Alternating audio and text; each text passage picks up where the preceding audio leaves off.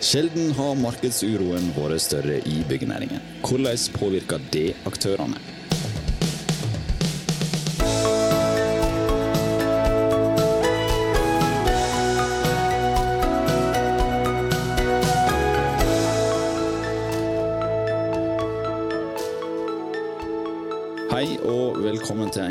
Episode av Byggeplassen. Jeg heter Frode Aga, og i dag så har jeg med meg sjefredaktør i Byggeindustrien Arve Brekkhus her som programleder i Byggeplassen.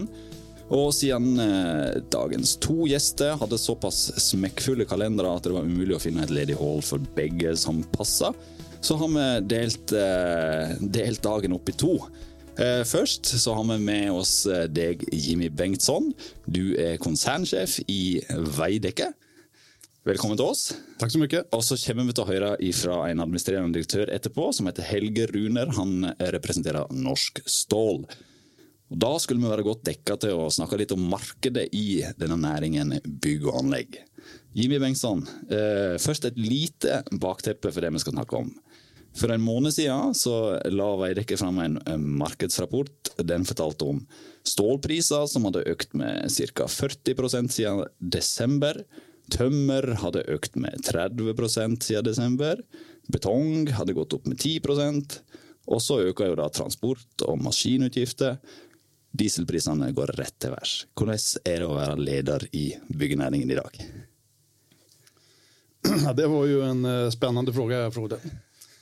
Jo, men det her har jo, har jo vært en, en eh, alldeles eh, tid som, som ju naturligtvis starta med två år av pandemi. Då. Och lagom när vi trodde att saker och ting eh, kanske skulle börja normalisera sig så, så kommer det här kriget då på toppen av det. Så det har varit en, eh, en eh, ja, både spännande och, och, utmanande tid. Men, men som ni också känner till så har ju faktiskt eh, både Veidekke och resten av bygg och anläggningsbranschen klarat sig förhållandevis gott genom de här åren. Då. Det finns ju andra näringar som så långt har haft det värre. Men du sier jo det at, eh, at det har vært gjennom en eh, pandemi, og så kommer krigen. Å der da. Hva, lærte dere av pandemien som det kan dra nytte av nå når en ny krise oppstår? Ja, gjennom genom pandemin så er jo våran bransch, eh, den er jo, kan man vel si, preget av at, at det ikke går å bygge hus og vägar på Teams. Då. Så den allra største merparten av våre medarbeidere eh, ute i projekten og er der fysisk, och var det også under pandemin. Men der fikk vi jo lære oss å være veldig flexibla og liksom å kunne stelle om de daglige rutinene for å, för att kunna upprätthålla då smitte, smittevernbestemmelsene og allting annet som man behøvde gjøre. Så det oppstod nog, eh, vi, vi lærte oss nog mye under den tiden. Ja, både fra administrationens sida att kunne jobbe digitalt men også att liksom kunna anpassa vårt sätt å jobbe ute i projekten så at vi kunde, kunde hålla projekten igång. Og så er det jo noen logistikkutfordringer som de lærte sikkert å, å leve med og jobbe med under, eh, under eh, pandemien. Og de, de ser en jo forsterker seg nå. Det er vanskelig å få tak i eh, det de trenger gjerne for å bygge det de skal bygge. Hvordan er det de jobber nå? For, har de spesielle ting de jobber med for å, for å være i beredskap? Ja, det vi, det vi lärde oss under, under pandemin och som ju blir förstärkt nu det är ju att eh, leveranstiderna på det mesta blir ju längre. Och eh, oftare än förr så uppstår det nog också liksom störningar i att även om leveranstiden var lång då så kanske den inte riktigt kommer när man trodde i alla fall. Då. Så jag tror att det vi har lärt oss eh, och, och det vi jobbar med nu det är ju att liksom ständigt ha en beredskap för en viss omplanering av eh, produktionen i projekten. Och där tror jag faktiskt att bygg och anläggningssektorn eh, har en, en större flexibilitet i jämförelse med många andra industrier. Vi, vi är i viss mån vana vid att liksom kunna göra omplaneringar och göra saker i en lite annan räckeföljd för att, ha, för att vara flexibla inför ändringar i det daglige, om man sier så. Vi var inne på at eh, de la frem en markedsrapport eh, for ikke så veldig lenge siden. Det er eh, litt over en måned siden for å være mer presis. og Der sier de at de forventer en fortsatt høy aktivitet i bygg- og anleggssektoren i Skandinavia, men at krigen, da, stigende råvare- og energipriser varsla renteøkninger har ført til mer usikkerhet enn på lenge. Går det an i det hele tatt å si noe sikkert om hvordan markedet blir framover?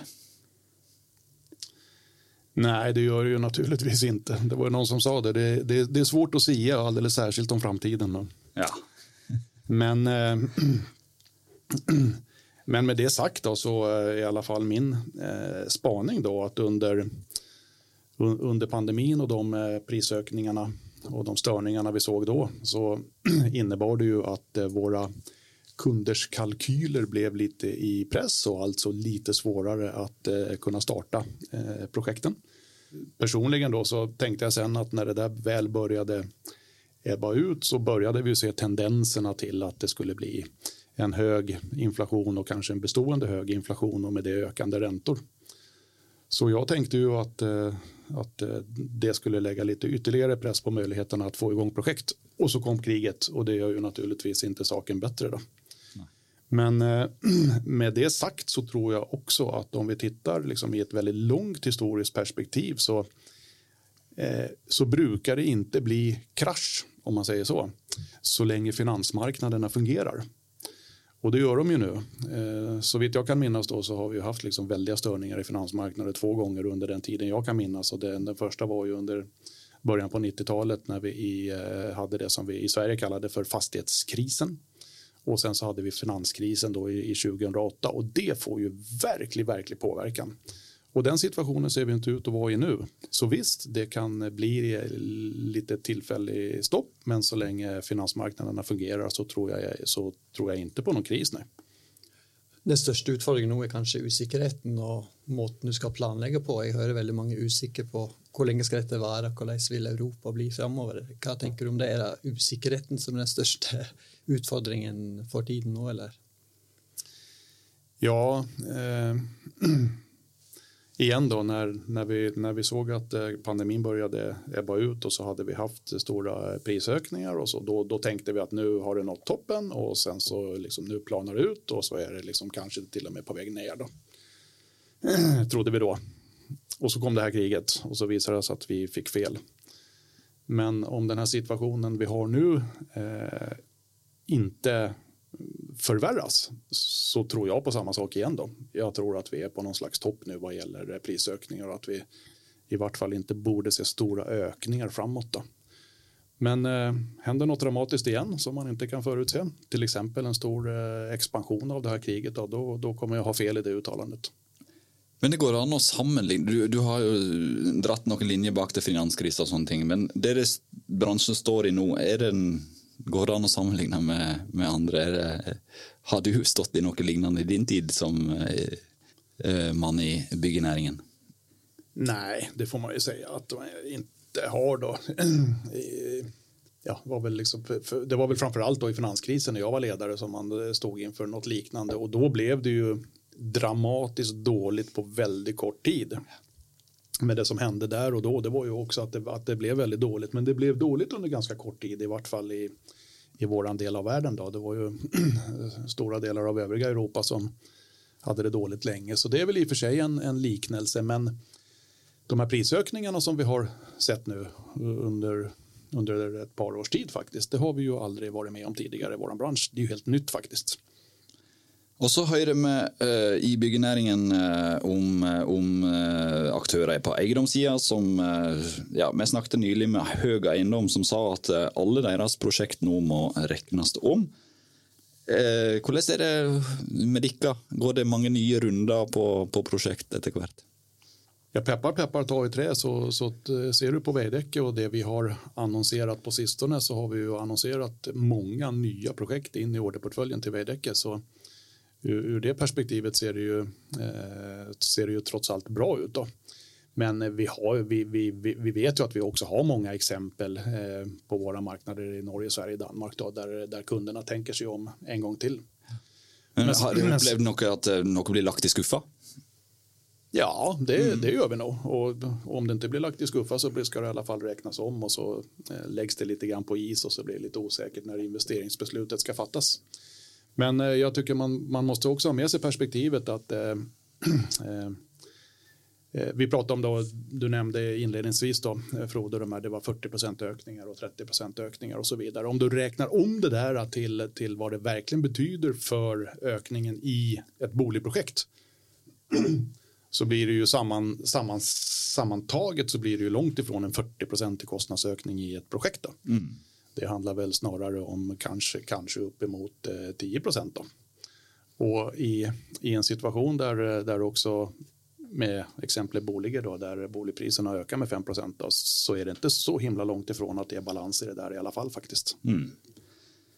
Og eh, det merker jo det, på å si, denne her prisøkningen og det, det, har vi sett. Det er jo en spesiell situasjon bl.a. på Fornebubanen. Der eh, i Oslo så eh, ble det innstilt til en eh, stor milliardkontrakt der av Oslo kommune, og så kommer det vel eh, ja, det, Vi fikk vite det offentlig etter at den milliardoverskridelsen der ble kjent.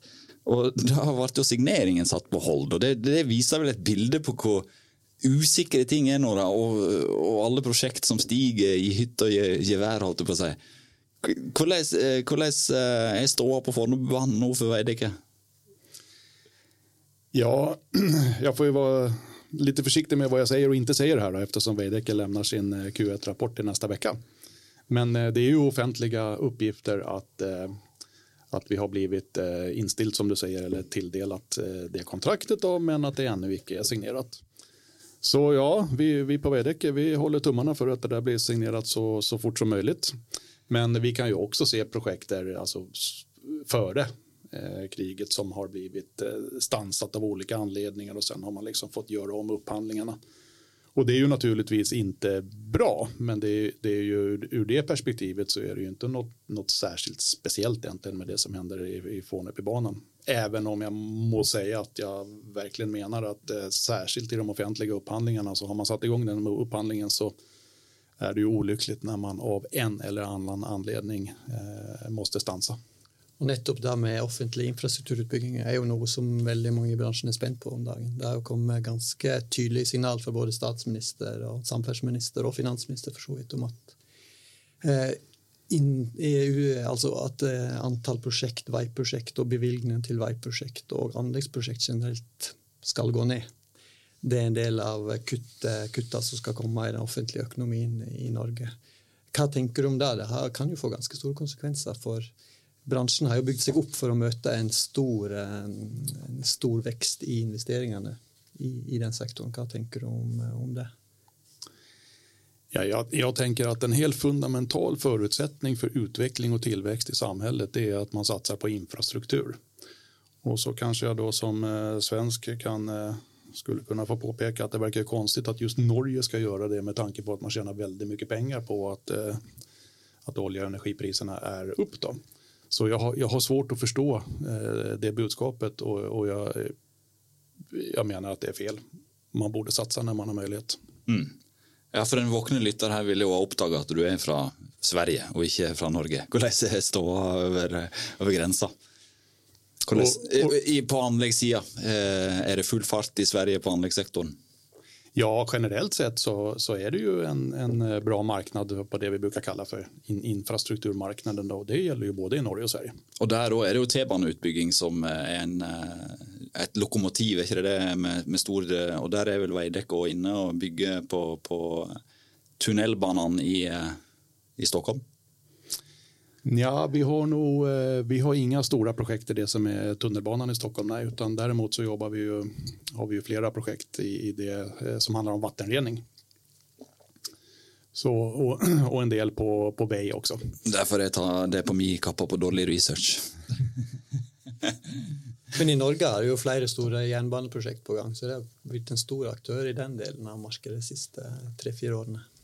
Ja, ja, och som sagt var, jag tycker att eh, jag menar att i ett väldigt sånt holistiskt perspektiv så, så eh, har ett samhälle har alltid nytta av att förbättra sin infrastruktur för det, det skapar utveckling och tillväxt i samhället. Då. Så, så, länge, så länge landet i fråga har möjligheter att, eh, att satsa på det så menar jag att man gör rätt satsningar. Jag var faktiskt i, häromdagen med på ett sånt runda bordsamtal på norska ambassaden i Sverige arrangerat av av eh, Norskt Näringsliv då, och, och Norsk-Svenska Handelskammaren. Och ett, av temana där var ju hur man kan förbättra infrastrukturen mellan länderna, vilket också vore viktigt. Mm. Du, Eh, har vært inne på at det er en spesiell eh, situasjon, og når ting eh, skjærer så har du en tendens til å balle på seg. Eh, sementproduksjonen i Norge har, har, vært oppe i nyhetsbildet i det siste. Der fikk vi stans i, på to eh, av to fabrikker, Norcem. Det påvirker eh, Veidekke og andre aktører. Og så har jeg nå en pågående sementsituasjon i et område du er godt kjent, på godt land. hvordan påvirker dette eh, situasjonen for entreprenørene? Ja, just nu då inte särskilt mycket förutom att priserna på, på cement och betong också har stigit. Då. Eh, och det beror ju delvis på de här situationerna men det beror ju också på de bärkraftssatsningar som man gör inom de områdena då för att få lägre klimatgasutsläpp när man tillverkar cement. Men ja, det, det där är ju ytterligare en sak som liksom ja, pandemi, krig och sen så har du en eventuell eh, ett eventuellt liksom brott i, i cementproduktionen i eh, Slite. Och, og Slite er da den... Uh, Slite er byen på, på Gotland der, yes. fabriken, der, där, där dagbrottet og fabriken ligger Da, Mm. Der man bryter ut kalk og sen så tilverker cementen. Og ja, det, det, återigen då, det der ligger i framtiden og det er faktisk ingen som riktig vet hva som hender. Det enda vi vet er jo at nå har jo eh, Cementa äntligen skickat inn en ny ansøkan om å få forlengt tilstand i fyra år tror jeg at det var. Eh, men det er jo ingen som vet om de kommer få det. Eh, och, och det börjar ju närma sig årsskiftet. Då finns det ju inget tillstånd längre. Så jag tror ju att ja, i vart fall Veidekke, men jag är väl skulle ju gissa att de flesta andra större bedrifter också liksom nu är ute och söker efter alternativ. Alltså om det blir stopp där då, vart ska vi få cementen ifrån då så att vi kan tillverka våran betong? Så her arbeides det nå med både plan eh, B og C og D på mange steder ute i bransjen. Ja. Det kan bli en komplisert situasjon hvis det faktisk skulle skje. Det blir veldig krevende for hele Skandinavia. vil jeg tro. Det blir det. Neste del av denne podkasten skal vi snakke ikke om sement, men om stål. Eh, og Som en glidende overgang til, til Norsk Stål sin administrerende direktør, så kan vi høre med deg. da. Hvordan er stålsituasjonen? Eh, vi hører om, eh, om, om aktører som har hamstra. Er det noe Veidekke driver med? Nei, det er det ikke. Derimot så forsøker vi å ha en veldig god dialog med våre samarbeidspartnere og, och, leverantörer. Och vi har jo hatt lange avtaler med dem tidligere. Og ja, vi, vi, vi tror og hoppas at det, det, det, er de i så fall som får stå for hamstringen for å kunne forsørge eh, företag som Veidekke og andre da, med, med det stålet vi behøver, basert på lange historiske relationer. Det är så vi tänker där i första hand. Da har vi fått med oss en ny gjest her i studio som òg hadde en ganske fullbooka timeplan. Helge Runer, velkommen til oss. Takk for det.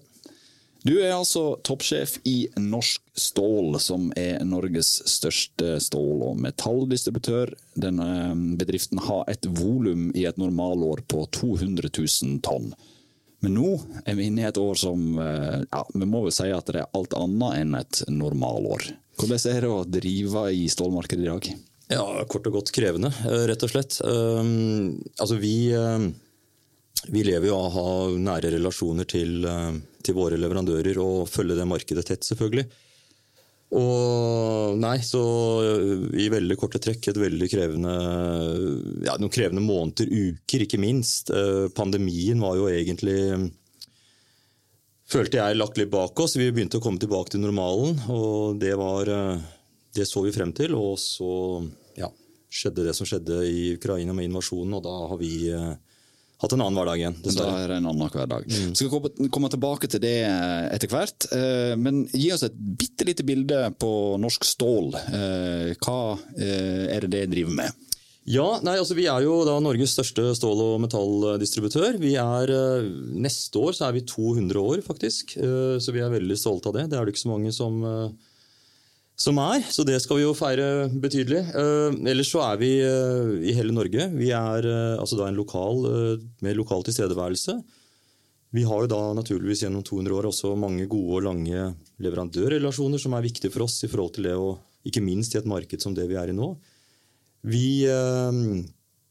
vi er ja, vi, jeg føler vi er en bedrift som ønsker å tenke fremover både i forhold til digitalisering, både i forhold til det å være på i forhold til nye produksjonsmetoder. Uh, endre stål, uh, vår del av stålbransjen. Uh, vi er vi lanserer i disse dager en storsatsing på dette som vi skal kalle miljømetall, som er en, en viktig del av vår bransje. Å endre næringen til å se hvordan vi kan gjøre vår del i forhold til miljøet. Bli enda grønnere. Ja. Eh, og så eh, tok jo vi i innledningen her at det er alt annet enn et normalår. Mm. Eh, og det er jo pris, pris, pris, pris vi lurer på. Eh, der har endringene vært store i stålmarkedet. Hva, hva, kan du si om det, det bildet der? Mm.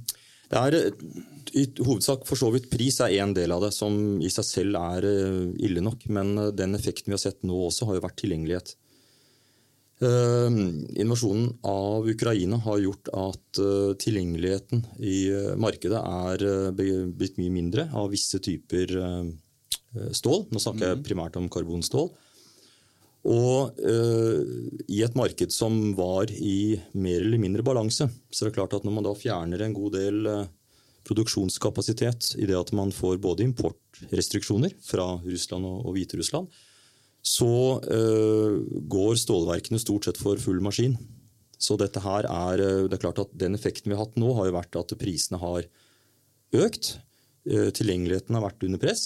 Og det er, det er, vel i hovedtrekk det jeg tenker at vi ser de første effektene av. Og vi har jo hatt en periode nå hvor Én ting er at vi har hatt prisreguleringer månedlig, men noen prisreguleringer har vært så voldsomme at vi har måttet ta de i løpet av måneden. Og da snakker vi jo flere titalls prosent som, som får enorme og umiddelbare konsekvenser. Uh, og så hørte vi egentlig i et intervju med Dagens Næringsliv, Dagens Næringsliv at du sa at det endra seg fra time til time? Ja, omtrent så gjorde det. det, det var jo en, det, akkurat da det brøt ut, så, det, så opplevde vi jo at uh, stålverkene meldte seg ut av markedet. altså De ga ikke priser.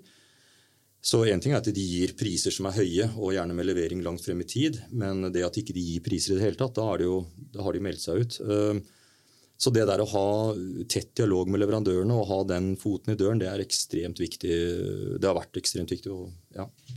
Jeg bare tenkte på, Har du vært borti noen lignende situasjon før, eller er det helt eksepsjonelt? Helt eksepsjonelt. Jeg har jo både jobbet på olje-, gass- og energisiden og på skipsverftsiden i tidligere jobber. og Det er helt, helt ekstraordinært, rett og slett. Stål er så mye og mangt. Eh, hva slags produkt er det byggenæringen er opptatt av eh, i disse tider? da? Nei, altså Det er jo klart at uh, veldig mye av det vi driver med, er jo armeringsstål. Og, og det er et uh, produkt som, som, har hatt en enorm prisøkning. Uh, vi så før invasjonen at de prisene begynte å gå ned. Og det var vi glade for, for det er klart at det, det er krevende for noen kunder nå, uh, som da har faste avtaler på sine kontrakter igjen, å ta dette ut i uh, neste omgang. Så, uh, men der har det også vært en tilgjengelighetssak. så vi da må, så vi har klart oss greit gjennom det, men det er klart, dette er krevende. Altså en situasjon, og vi, Dette er jo ikke bare i Norge, her snakker vi jo også Europa som har utfordringer med dette. her. Hvordan er tilgangen på armeringsstål akkurat nå? Da, egentlig? Er det vanskelig? Det har begynt å komme mer i balanse. Vi, vi, eh, og, det, og det, er, det, finner alltid, det, finner seg alltid en balanse. så vi, eh, Det er mer stabilitet i det nå, eh, sånn sett. Og det som har vært en utfordring som, som vi har merket veldig godt, har jo vært at det har vært altså, hamstretilstander da, hvor man har Vi har måttet legge ganske kraftige begrensninger på hvor mye kundene våre kan handle. Rett og slett fordi at det er ikke nok stål i markedet til å eh, betjene alle. Så vi har måttet prioritere våre egne kunder til størst en stor del. Og så har vi nødt, vært nødt, nødt til å legge begrensninger på hvor mye vi kan uh, selge. rett og slett. Armeringsstål er jo et sånt produkt hvis ikke du får tak i det når du skal starte et stort prosjekt, så stopper jo alt opp. Ja. Så jeg vil jo tro at det er kanskje et produkt som entreprenørene virkelig har vært opptatt av ja. å sikre seg. Definitivt. Ja, og hamstring var jo noe vi spurte Jimmy Bengtsson eh, om her tidligere i denne podkasten. Og han, eh, Og han, han, sier at ikke de har gjort det, men, eh, men så snakker han om, om, leverandørene. Er det ute å hamstre? Ham, hamstre? Vi har hatt, og Jeg kan stolt si at vi har hatt en policy hele veien at vi, selv om prisene har vært skyhøye, og vi får, altså hvis det skulle komme en prisnedgang, så får vi dette her midt i bakhodet og stabilisering. Men vi har holdt og fått egentlig tak i alt vi skal ha, og virkelig kjøpt med begge hender for å være sikre på at vi er leveringsdyktige. For det er det viktigste vi kan være nå. Så, så det har vi mm, så, altså, Vi skal ikke bruke ordet hamstre for vår del, men vi, vi, har kjøpt uh, stort sett alt det vi har kunnet komme over for å holde tonnasjen på et uh, godt nivå. Det, men Hva slags utfordringer gir det da i det store bildet? Det, vi husker jo fra koronaen når uh, toalettpapiret forsvant. Er det noe sammenlignbare ja, jeg, altså, jeg, vil nå, jeg har jo hørt om prosjekter som er blitt utsatt uh, hos kundene våre, som uh, legger de på is, rett og slett, fordi at det blir uh, vanskelig å regne hjem.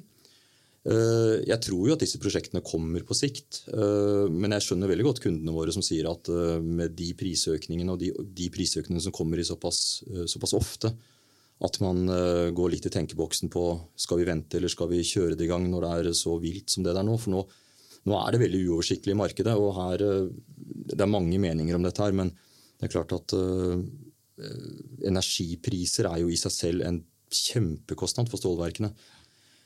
Så, uh, ja, så der ser vi jo bl.a. stålverk som uh, stenger ned produksjonen, for de klarer ikke ta ut disse prisene i, i markedet. Da går jo da mengden og etter, altså tilbudet ned, og så blir jo Mm. Hvem er det som er de store stålnasjonene eh, der ute? Altså, Kina er jo veldig store, eh, naturligvis. Eh, Europa er jo viktig, et viktig marked for oss å, å handle fra. Vi, men det er klart at Russland er, er, store. Ukraina er jo også en stor aktør i dette her. Mm. Altså, Stålverkene er jo sånn sett representert i hele deler, alle deler av verden. Vi, vi, du kan si det sånn For Europas sin del så er det klart at Sånn Hvis du tar snittet da, jevnt over, så er jo 40% av importen til Europa har jo da vært fra Russland og Hviterussland og Ukraina. Så det er klart at det er jo en, en Og da snakker vi både innsatsmaterialer og ferdigprodukter. Så det er klart at det har ikke det vært tilfellet i så stor grad for vår del, men det er klart at aktører som belaver seg mye på handel derfra, de vil jo absolutt merke dette her hardt. Sånn har det hatt kunder det, Er det kunder av russiske leverandører? Mm eller, eller ukrainske? Altså, vi, vi handler med europeiske, europeiske, verk, og vi har hatt en liten del som har vært fra Russland. Det har vel vært ute i DN, og det er vel 2% som vi regnet ut at vi hadde i fjor. på dette. her, Så, så vi har jo ikke merket det på samme måte som, som andre. og vi, altså vi er jo helt uavhengige. Vi kan handle fra hvem vi vil. sånn sett i forhold til, altså Er det restriksjoner på et selskap, så vi er vi har mange leverandører. så ja. jo, det, er, jo en del av de tingene som er viktig for oss å være bredt inne på flere leverandører. Så vi har flere ben å stå på. Sånn, dette er jo ikke Norsk Stål sin eh, utfordring, eh, eller kanskje det er, er det hos dere. Men, men Konkurransetilsynet sin direktør hun var ute i en kronikk og advarte mange bransjer, ikke stål eh, spesielt, men hun nevnte det i samme åndedrag, om ikke utnytte den krisa som, som er da. Er, er det noe som skjer? Altså Ikke for vår del i det hele tatt. Altså, hele dette, og Det er egentlig et veldig bra spørsmål. fordi vår verden er uh, såpass enkel at vi forhandler hver måned uh, med stålverkene om priser på leveringer. Og Det er jo da for leveringer som skjer alt fra to måneder til seks måneder frem i tid. Uh, noen varer nå opplever jo at de ikke kommer inn før i 2023. Det er heldigvis ikke mange varer det er snakk om, men, men likevel, leveransebildet vårt er jo langt frem i tid. Så, uh, så det, det, er ene og alene basisen for vår pris. Og vår realmargin gjennom pandemien har jo faktisk gått ned. Så du kan si at det som uh, skulle være en plutselig og bratt prisnedgang, så vil jo vi ha økende kostpriser på beholdningen vår.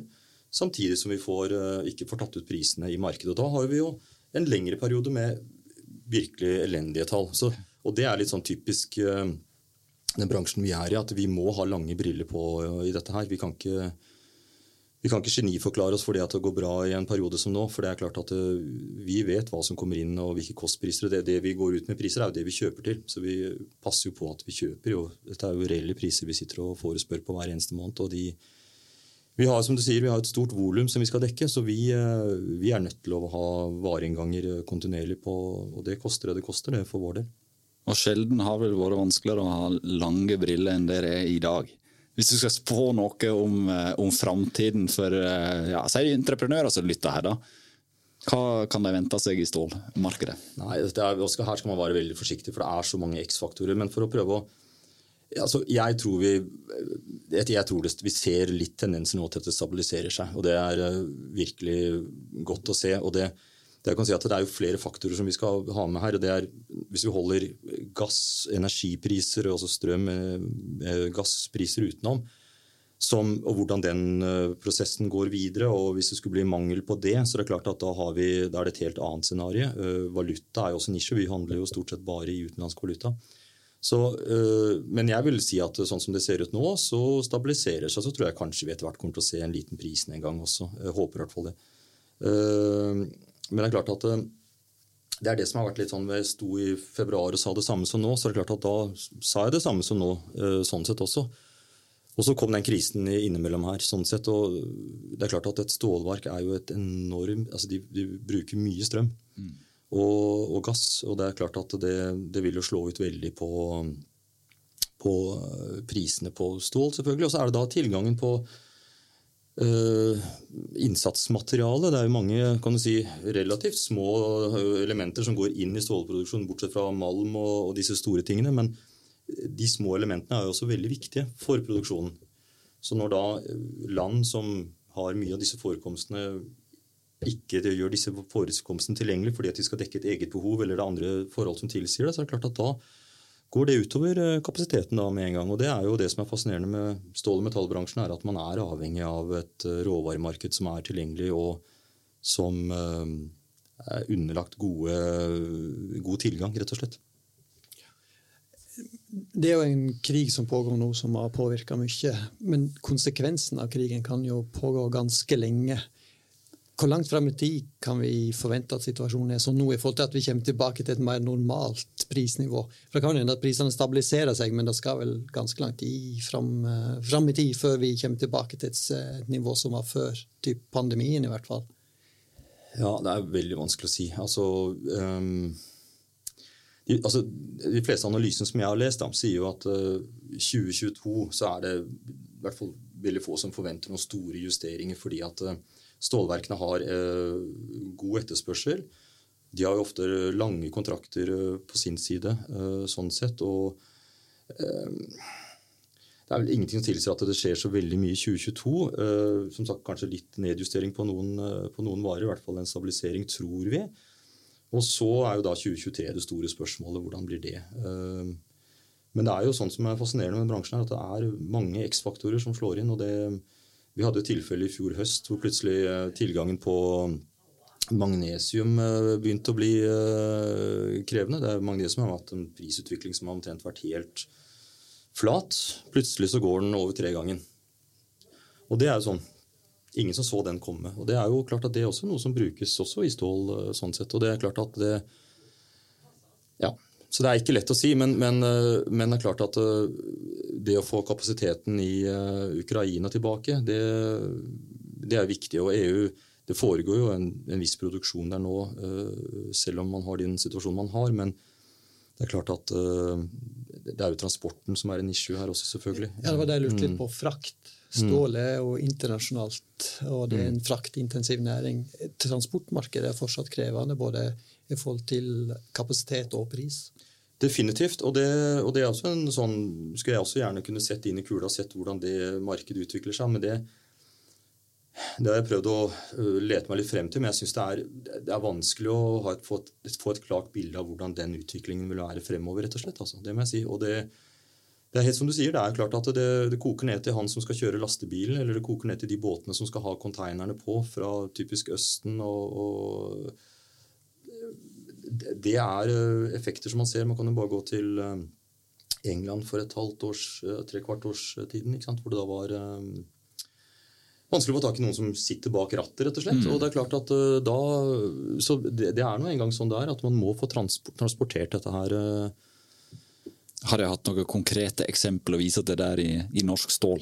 Nei, du, faktisk, Vi har hatt noen sånne små få eksempler, men, men, i det store og hele så, så, har vi klart oss veldig bra med det i, eh, i Norge. Og det er klart at det, men, men det er jo et, det er et marked, det der også. Det er noen som Uh, ja, det, er krevende. Der har du jo da dieselpriser som kommer inn også. og det, så Senest i dag så sto det jo også noe om dette her. og Det er klart at det er en, det må jo være krevende for, uh, for den bransjen også, vil jeg tro. Det er jo klart at Med de prisene som er nå, så må de også ta dette ut. Uh, sånn sett, så Det er klart at det merker vi også på transportpriser, at det legges jo på de varene vi kjøper, det også, som alt andre.